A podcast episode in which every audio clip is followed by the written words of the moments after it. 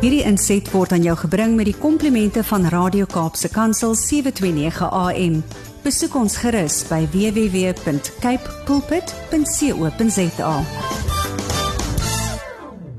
Liewe luisteraars, ek is Marita Martins. Wat 'n groot voorreg is dit vir my om vandag saam met julle in skriflig na die grootste gevaar in ons hele lewe te kyk. Kom ons vra die vraag op drie maniere. Wat is die grootste gevaar waaraan Christene in Afghanistan blootgestel is? Wat is die grootste gevaar waaraan die Hebreërs blootgestel was? Wat is die grootste gevaar waaraan ek en jy as Christene tans blootgestel is? En dis een en dieselfde vraag. Kom ons lees op hierdie dag Hebreërs 13 se slotparagrawe saam met 'n teksvers of 2 uit Handelinge 2. Let veral op wat Jesus in Hebreërs 13 se slotparagrawe geskryf het, eh, laat skryf het. Ons begin by Hebreërs 13 vers 20. God wat vrede gee, het ons Here Jesus wat deur die bloed van die ewige verbond die groot herder van sy kudde is, uit die dood teruggebring. Hier staan Jesus leef. Hebreërs 13 vers 21a. Mag die God julle toerus met alles wat goed is sodat jy sy wil kan doen. Hier staan: Nie my wil en die persepsies van my eie verstand vir my lewe as disipel van Jesus nie. Die doel en vreugde van disipelskap is om die wil van God te doen. Hebreërs 13 vers 21b. Mag hy deur Jesus Christus in ons tot stand bring wat vir hom aanneemlik is. Aan hom behoort die heerlikheid tot in alle ewigheid. Amen. Hier staan Jesus Christus wil iets deur elkeen van sy disippels tot stand bring. Iets wat hom behaag. Iets wat vir hom aanneemlik is. Hy het ons uit die duisternis geroep tot sy wonderbare lig. Hy het ons uit ons sinlose bestaan bevry deur die losprys vir ons te betaal. Hy het ons in sy koninkryk ingebring. En in sy koninkryk so vol waarheid, blydskap, vrede, vreugde en joy is hy die een vir wie verloste sondaars en sy uitverkore begenadigde disippels verheerlik. Miskien verheerliking van God as ons onsself verheerlik, besittings verheerlik, die liggaam verheerlik of ander mense verheerlik nie. En Jesaja 42 vers 8 sê die God wat ons maker is, wat ons uit Egipte die plek van ons slawerny bevry het, Die God wat ons uit die modderput en die mag van ons eie ou natuur, die wêreld en die Satan, ja, uit die mag van die laaste vyand, die dood gered het. Hy sê in Jesaja 42 vers 8: Ek is die Here. Dit is my naam. Die eer wat my toekom, gee ek aan geen ander nie.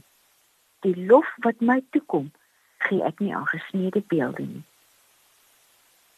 In Hebreërs 13 vers 21b staan: Jesus Christus wil iets deur elkeen van sy disippels, deur elke Christen in Afghanistan, deur elkeen van ons tot stand bring. Nie net om 'n verskil te maak nie. Hy wil iets tot stand bring wat hom behaag. Kom ons lees verder aan die slotparagraaf in Hebreërs 13, want dit handel oor 'n deurleefde, geleefde, dinamiese en voortgaande geloofslewe. Dit is hoe die Godgegewe geloof van alle disippels van Jesus in Afghanistan in die eerste kerk en nou in 2021 geleef word. Hebreërs 13 vers 22. Broers, dit is my dringende versoek. Julle moet geduldig na hierdie woorde luister waarmee ek julle bemoedig het. Al het ek dit net kortliks aan julle geskryf. Hier staan geskryf: Bestudeer alles wat jy oor die geloof in die wonderlike boek Hebreërs vind. Hou hom voor oë, Jesus Christus as lam van God, Jesus Christus as gekruisigde, Jesus Christus as hoëpriester, Jesus Christus as die een wat in hierdie laaste dae met ons praat. Jesus Christus as die Alfa en die Omega, die begin en die einde. Bly in die leer van Christus volhard. Hebreërs 13 vers 23 Julle weet seker al dat ons broer Timoteus vrygelaat is. As hy gou genoeg kom, bring hom saam wanneer ek julle kom besoek. wat jy dalk sommer haastig oor hierdie sin beweeg. Dat jy dalk dink dis 'n tydgebonde sin. Uh dalk wil 'n mens dit net so vrugtig scan en dan die boek Hebreërs toemaak. Maar dalk is dit een van die belangrikste teksverse vir die Christene van Afghanistan. Jy weet seker dat ons broer Timoteus vrygelaat is. Dalk is hierdie sin so belangrik vir jou en my Hier het die skrywer van die brief aan die Hebreërs immers onder inspirasie van die Gees geskryf.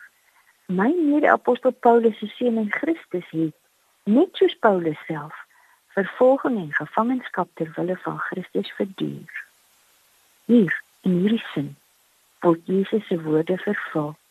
Lukas 21 van vers 10 af. Verder sê hy vir hulle: Die een nasie sal teen die ander te staan kom en een koninkryk teen die ander. Daar sal groot aardbewings wees, hongersnood en epidemies sal op baie plekke voorkom. Daar sal skrikwekkende dinge wees en groot tekens van die hemel af. Maar nog voor dit alles gebeur, sal hulle julle gevange neem en vervolg. Julle sal oorgelewer word om verhoor te word in die sinagoges en vir opsluiting in gevangenisse. Hulle sal julle voor konings en goewerneurs bring ter wille van my naam Dit sal vir julle 'n geleentheid wees om van my te getuig. Stel julle dit daarop in om julle nie vooraf oor julle verdediging te kwel nie, want ek sal vir julle die woorde en die wysheid gee wat deur geen een van julle teenstanders teëgespreek of weerlê kan word nie. Hulle sal selfs deur julle ouers en broers en familie en vriende verraai word en hulle sal party van julle doodmaak. En julle sal ter wille van my naam deur almal gehaat word maar daar sal selfs nie 'n haar van julle kop afval nie. Deur julle volharding moet julle julleself red. Dit beteken moenie julle geloofsvertroue prysgee nie. Die brief aan die Hebreërs word so afgesluit. Groete aan al julle voorgangers, van al julle voorgangers en aan al die gelowiges. Die wat van Italië afkomstig is, stuur ook vir julle groete.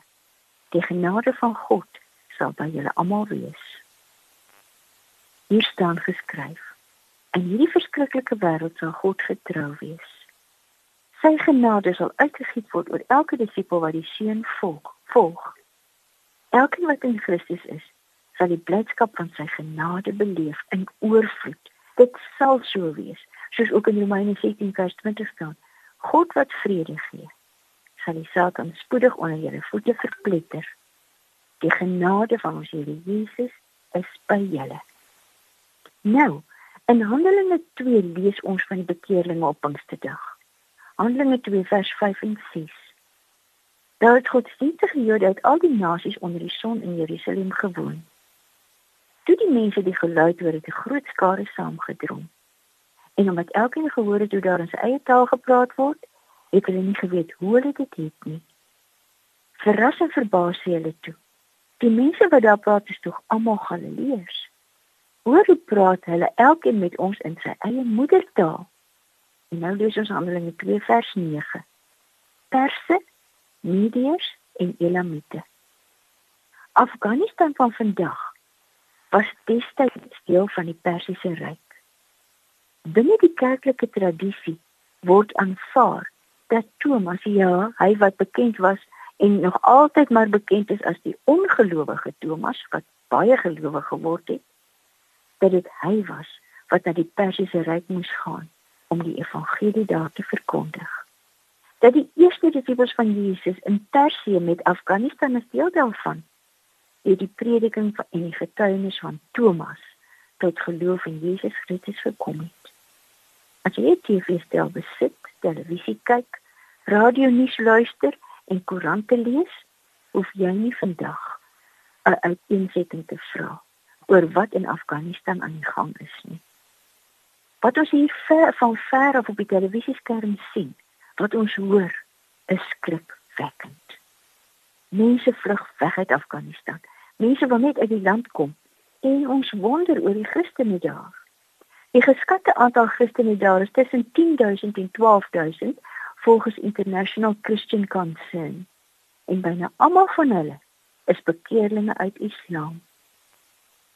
Joe Richardson van die Underground het pas op YouTube met Farzena, 'n volgeling van Jesus in Afghanistan gepraat. En wat hoor ons? Afghanistan, world's second fastest growing church. What is God doing in Afghanistan? Daar's 'n 20% groei van die Christelike kerk in Afghanistan. Joel het gepraat met hierdie disipel van Jesus in Afghanistan. Wat sien hoe die Here op wonderbaarlike wyse werk. Met 'n 20% groei elke jaar van die Christelike kerk soek die mense van Afghanistan hoop en liefde in 'n land vervul en vol van pyn en lyding. En die Christene sê, "The fear of the Taliban is not controlling us." Hierdie is 'n land met 48000 moskeeë en nie een enkele kerk gebou nie. En derde op die lys, naas Noord-Korea en Somalië, is hulle op 'n open door geopende deure se wêreldlys van die mees vervolgde uh, Christen uh, lande waar die Christene die meeste in die wêreld vervolg word. En hulle sê Afghanistan is not closed to the Holy Spirit toe hierdie dame as disipel van Jesus gevra is wat die grootste gevaar vir Christene is in Afghanistan, het sy geantwoord om ons aandag te laat aflei deur emosies van hopeloosheid en hooploosheid en uitsigloosheid. To get distracted by pain and fear. Om die dood te vrees, om bang te wees om vir Christus te ly en te sterf. Dit is die dinge wat die aandag aflei, sê sy. Sy sê, "This is just a moment. The next moment you are forever free." En hierdie vroue disipel van Jesus Christus, hierdie vrou wat vir Jesus in Afghanistan volg, sê wat die skrif sê. All disciples must be willing to take up their crosses. Ons kan nie disipels wees as ons nie ons kruis wil opneem. Die norm wat Christus uitgespel het, is dat ons met haat en vervolging te doen sal kry.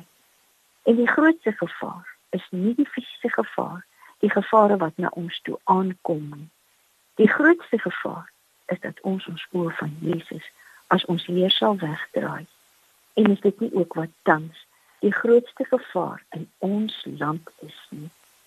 Dat ons in vrees en in angs oor die gevare rondom ons die oë van Jesus Christus sal wegdraai.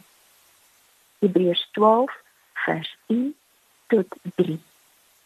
Terwyl ons dan so groot skare geloofsgetuies rondom ons het, laat ons elke las van ons afgooi, ook die sonde wat ons so maklik verstrik, en laat ons die wedloop wat vir ons voorlê, met volharding hardloop. Die oog gefestig op Jesus, die begin en volëinde van die geloof. Terwyl van die vreugde wat vir hom in die vooruitsig was, het hy die kruis verduur sonder om vir die skande daarvan terug te eindens. En hy sit nou aan die regterkant van die troon van God. Hou hom voor oë wat so verhandige optrede van die sondaars teen hom verdraai. Dan sal jy nie geestelik moeg word en uitsak nie. O ons Here, vestig ons oë op die grootste gevaar wat ons ooit gaan teekom help ons om ons oë op U te hou om dit elke oomblik te doen. En help ons broers en susters in Afghanistan om dit te doen. Om U naam ontval. Amen. Hierdie inset was aan jou gebring met die komplimente van Radio Kaapse Kansel 729 AM. Besoek ons gerus by www.cape pulpit.co.za.